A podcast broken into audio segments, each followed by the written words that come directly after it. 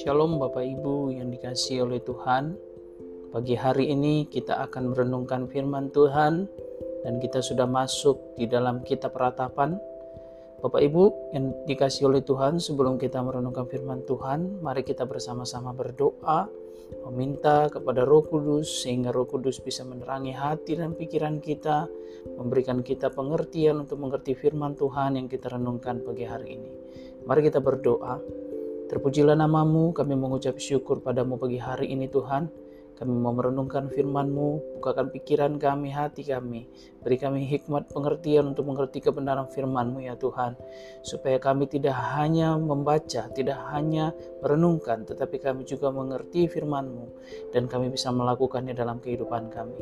Terpujilah namamu dalam nama Tuhan Yesus. Haleluya. Kita membuka firman Tuhan di dalam ratapan pasal yang kedua.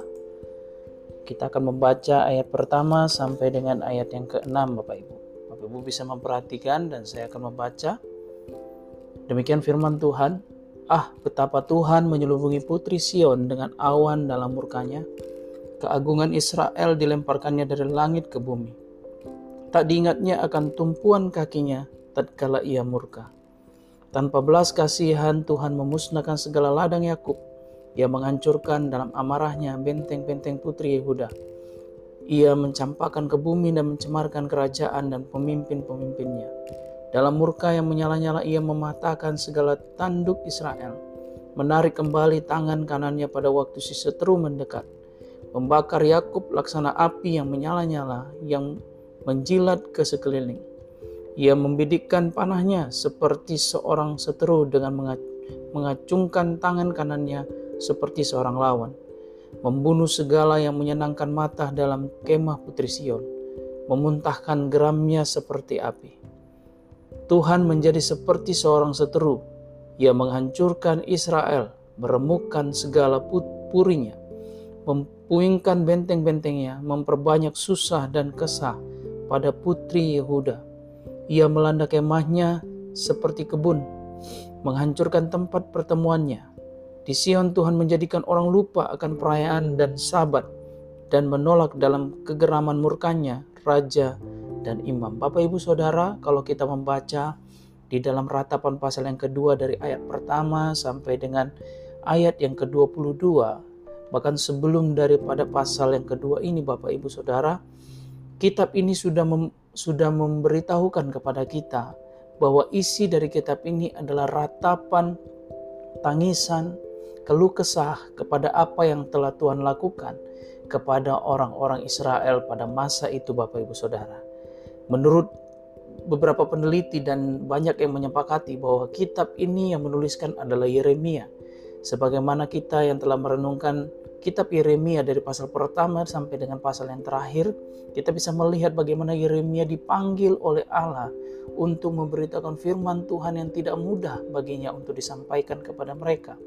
Dan kita juga tahu bahwa Yeremia dikenal sebagai salah satu nabi ratapan atau nabi yang sering sekali meratap terhadap apa yang terjadi oleh orang-orang Israel Bapak Ibu Saudara. Bapak Ibu, Bapak Ibu mari mengingat kembali apa yang dituliskan di dalam firman Tuhan di dalam di dalam uh, awal-awal daripada perjanjian lama Bapak Ibu Saudara kita tahu bahwa orang-orang Israel adalah orang-orang pilihan Tuhan Bangsa Israel adalah bangsa pilihan Tuhan dan Tuhan sangat mengasihi mereka. Tuhan sangat menyayangi mereka. Tuhan memilih mereka dari antara bangsa-bangsa yang ada di dunia pada masa itu, Bapak Ibu Saudara. Tetapi kalau kita melihat kitab ratapan secara khusus ratapan pasal yang kedua ini, begitu mengerikan apa yang sedang terjadi dengan Israel pada masa itu Bapak Ibu Saudara bagaimana Tuhan yang adalah Allah mereka, yang adalah Allah yang memilih mereka, menyayangi mereka, menghukum mereka, bahkan menghancurkan mereka, menjadikan benteng-benteng itu, benteng-benteng yang ada pada masa itu di Israel menjadi puing-puing. Dan tentunya di masa itu pasti banyak sekali tangisan dan ratapan terhadap apa yang Tuhan lakukan. Tetapi Bapak Ibu Saudara mari perhatikan apa yang dituliskan di dalam Yeremia Kita sudah merenungkan bersama-sama Yeremia mulai dari pasal pertama sampai dengan pasal terakhir. Ada banyak peringatan-peringatan Tuhan yang Tuhan sampaikan kepada orang-orang Israel melalui Yeremia. Tetapi kita tahu respon mereka. Sebagian besar mereka menolak firman Tuhan itu, bahkan tidak mempedulikan firman Tuhan. Pada akhirnya Tuhan melaksanakan penghukuman kepada orang Israel. Tuhan murka terhadap Sion, terhadap orang-orang Israel, Bapak Ibu Saudara.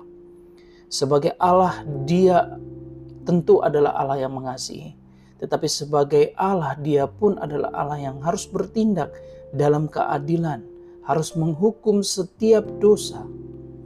Jadi, konsekuensi daripada dosa yang dituliskan di dalam ratapan pasal yang kedua, yang bisa kita sama-sama renungkan, Bapak Ibu, adalah penghukuman setiap orang yang hidup dan tinggal di dalam dosa, tidak peduli akan firman Tuhan, menolak kebenaran akan keselamatan, bahkan menolak dirinya untuk diselamatkan oleh Tuhan, mereka akan masuk dalam penghukuman.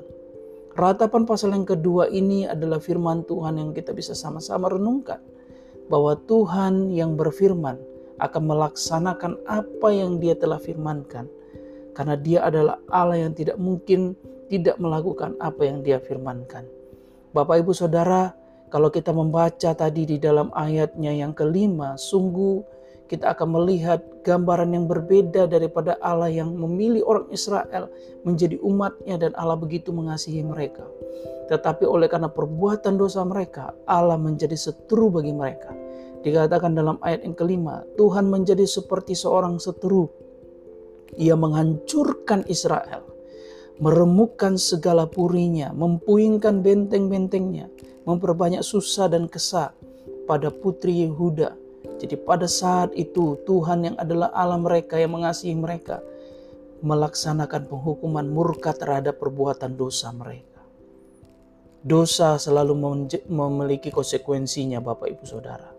Allah kita memang adalah Allah yang mengasihi, Allah yang yang baik, tetapi kalau kita tidak kita tetap tinggal di dalam dosa, maka Allah pun akan menjatuhkan murkanya atau penghukumannya atas kita. Bapak Ibu Saudara, Bapak Ibu bisa memperhatikan kembali, bahkan di dalam gambaran ini dikatakan dalam ayat yang ketujuh, Tuhan bukan hanya menjadi seteru tetapi Tuhan membuang mesbahnya. Bahkan sampai hal yang beribadah, sampai hal dalam beribadah yaitu bait suci tempat mereka orang-orang Israel beribadah pun Tuhan izinkan dihancurkan. Tempat yang menjadi tempat kudus pun Tuhan izinkan dihancurkan untuk menjadi pelajaran bagi orang Israel bahwa yang mereka bangga-banggakan itu tidak akan ada lagi. Lalu kemudian Bapak Ibu Saudara kita bisa melihat di sini bahwa Tuhan menjalankan apa yang dirancangkannya. Ia melaksanakan apa yang difirmankannya. Oleh sebab itu Bapak Ibu Saudara, setiap dosa yang dilakukan dan tidak ada pertobatan di sana, maka orang itu akan mendapatkan konsekuensinya. Sekalipun saat ini kita hidup di dalam zaman kemurahan, ada adalah masa-masa uh, kasih karunia. Tetapi Bapak Ibu Saudara bukan berarti ketika kita hidup di dalam dosa tidak mau meninggalkan atau menanggalkan dosa kita. Kita terus hidup di dalam dosa dan mengizinkan diri terikat di dalam dosa, bukan berarti kita tidak akan masuk di dalam penghukuman. Karena upah dosa ialah maut sebagaimana yang dikatakan di dalam perjanjian baru di dalam kitab Roma Bapak Ibu Saudara upah dosa ialah maut. Tetapi kasih karunia Allah ialah hidup yang kekal Bapak Ibu Saudara. Bapak Ibu bisa memperhatikan di sini ratapan pasal yang kedua Bapak Ibu Saudara ini menunjukkan bagaimana murka Allah yang begitu dahsyat kepada mereka. Tetapi Bapak Ibu Saudara, cara agar kita bisa lepas dari dari jerat dosa yang menghukum membuat kita masuk dalam penghukuman, agar kita tidak masuk dalam penghukuman, jalan satu-satunya diberitahukan di dalam ratapan pasal yang kedua ini Bapak Ibu Saudara. Dikatakan di sini Bapak Ibu Saudara bahwa yang bisa kita lakukan dalam dalam kehidupan kita adalah kita menanggalkan dosa kita, Bapak Ibu Saudara. Yeremia bukan bukan hanya menuliskan mengenai bagaimana Allah murka terhadap terhadap Sion, terhadap orang-orang Israel, terhadap orang-orang Yehuda. Tetapi Yehuda juga memberitahukan bagaimana caranya agar murka Allah itu berhenti, agar mereka Yeremia memberitahukan dalam situasi yang seperti ini. Ketika engkau hidup di dalam dosa dan kau sadari bahwa engkau akan dihukum agar engkau terhindar dari penghukuman itu, maka yang harus engkau lakukan adalah sebagaimana yang dikatakan di dalam ayat yang ke-18 Berteriaklah kepada Tuhan dengan nyaring, hai putri Sion. Cucurkanlah air mata bagaikan sungai siang dan malam. Jangan kau berikan dirimu istirahat, janganlah matamu tenang. Yeremia memberitahukan kepada orang Israel, kepada generasi selanjutnya, agar murka itu berhenti dan agar belas kasihan kembali kepada mereka. Yang harus mereka lakukan adalah bertobat mereka harus datang kepada Tuhan dengan di dalam doa, di dalam teriakan minta pertolongan dan minta pengampunan dari Tuhan. Sehingga akhirnya murka itu akan berhenti di generasi mereka. Apa yang bisa kita pelajari Bapak Ibu Saudara? Bahwa kalau kita tinggal di dalam dosa, sekali lagi kalau kita tinggal di dalam dosa, maka ada penghukuman bagi kita. Tetapi jikalau kita bertobat, kasih karunia Allah akan melimpah bagi kita. Kata berteriak kepada Tuhan dengan nyaring, cucurkanlah air mata bagaikan sungai siang dan malam. Janganlah kau berikan dirimu istirahat, janganlah matamu tenang adalah sebuah gambaran pertobatan yang sejati, pertobatan yang sungguh-sungguh. Berdoa sampai Tuhan mendengar, meminta pertolongan dan pengampunan Tuhan sampai hal itu terjadi dan sampai hal itu tercurah bagi kita Bapak Ibu Saudara. Tuhan telah mati bagi kita di kayu salib 2000 tahun yang lalu, kurang lebih ribuan tahun yang lalu. Yesus telah mati di kayu salib menebus dosa kita. Sehingga hari ini kalau kita hidup di dalam dosa, kita beroleh kesempatan untuk diampuni sehingga kita tidak mendapatkan murka dari Tuhan. Mungkin ada sebagian orang berpikir, wah di perjanjian lama memang Tuhan sering murka. Kalau perjanjian baru Yesus tidak pernah murka. Bapak ibu saudara, Tuhan yang ada di perjanjian lama maupun yang ada perjanjian baru tetaplah Tuhan yang sama. Bapa, Anak, dan Roh Kudus adalah pribadi yang sehakikat. Mereka adalah satu, adalah Tuhan. Dan mereka bekerja dan melakukan segala sesuatu sesuai dengan apa yang difirmankan. Kalau engkau berada di dalam zaman ini dan kau merasa bahwa zaman ini adalah zaman kasih karunia, kapan pun bisa Tuhan selamatkan.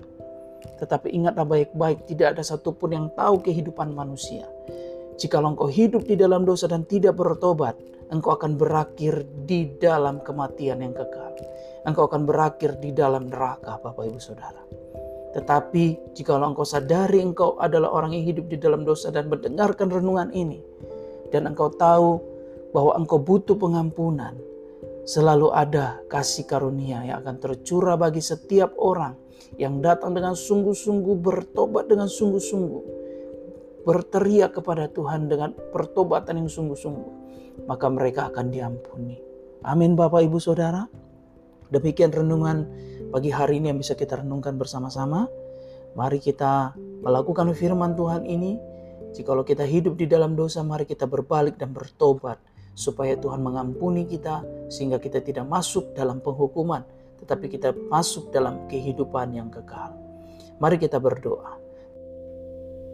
thank you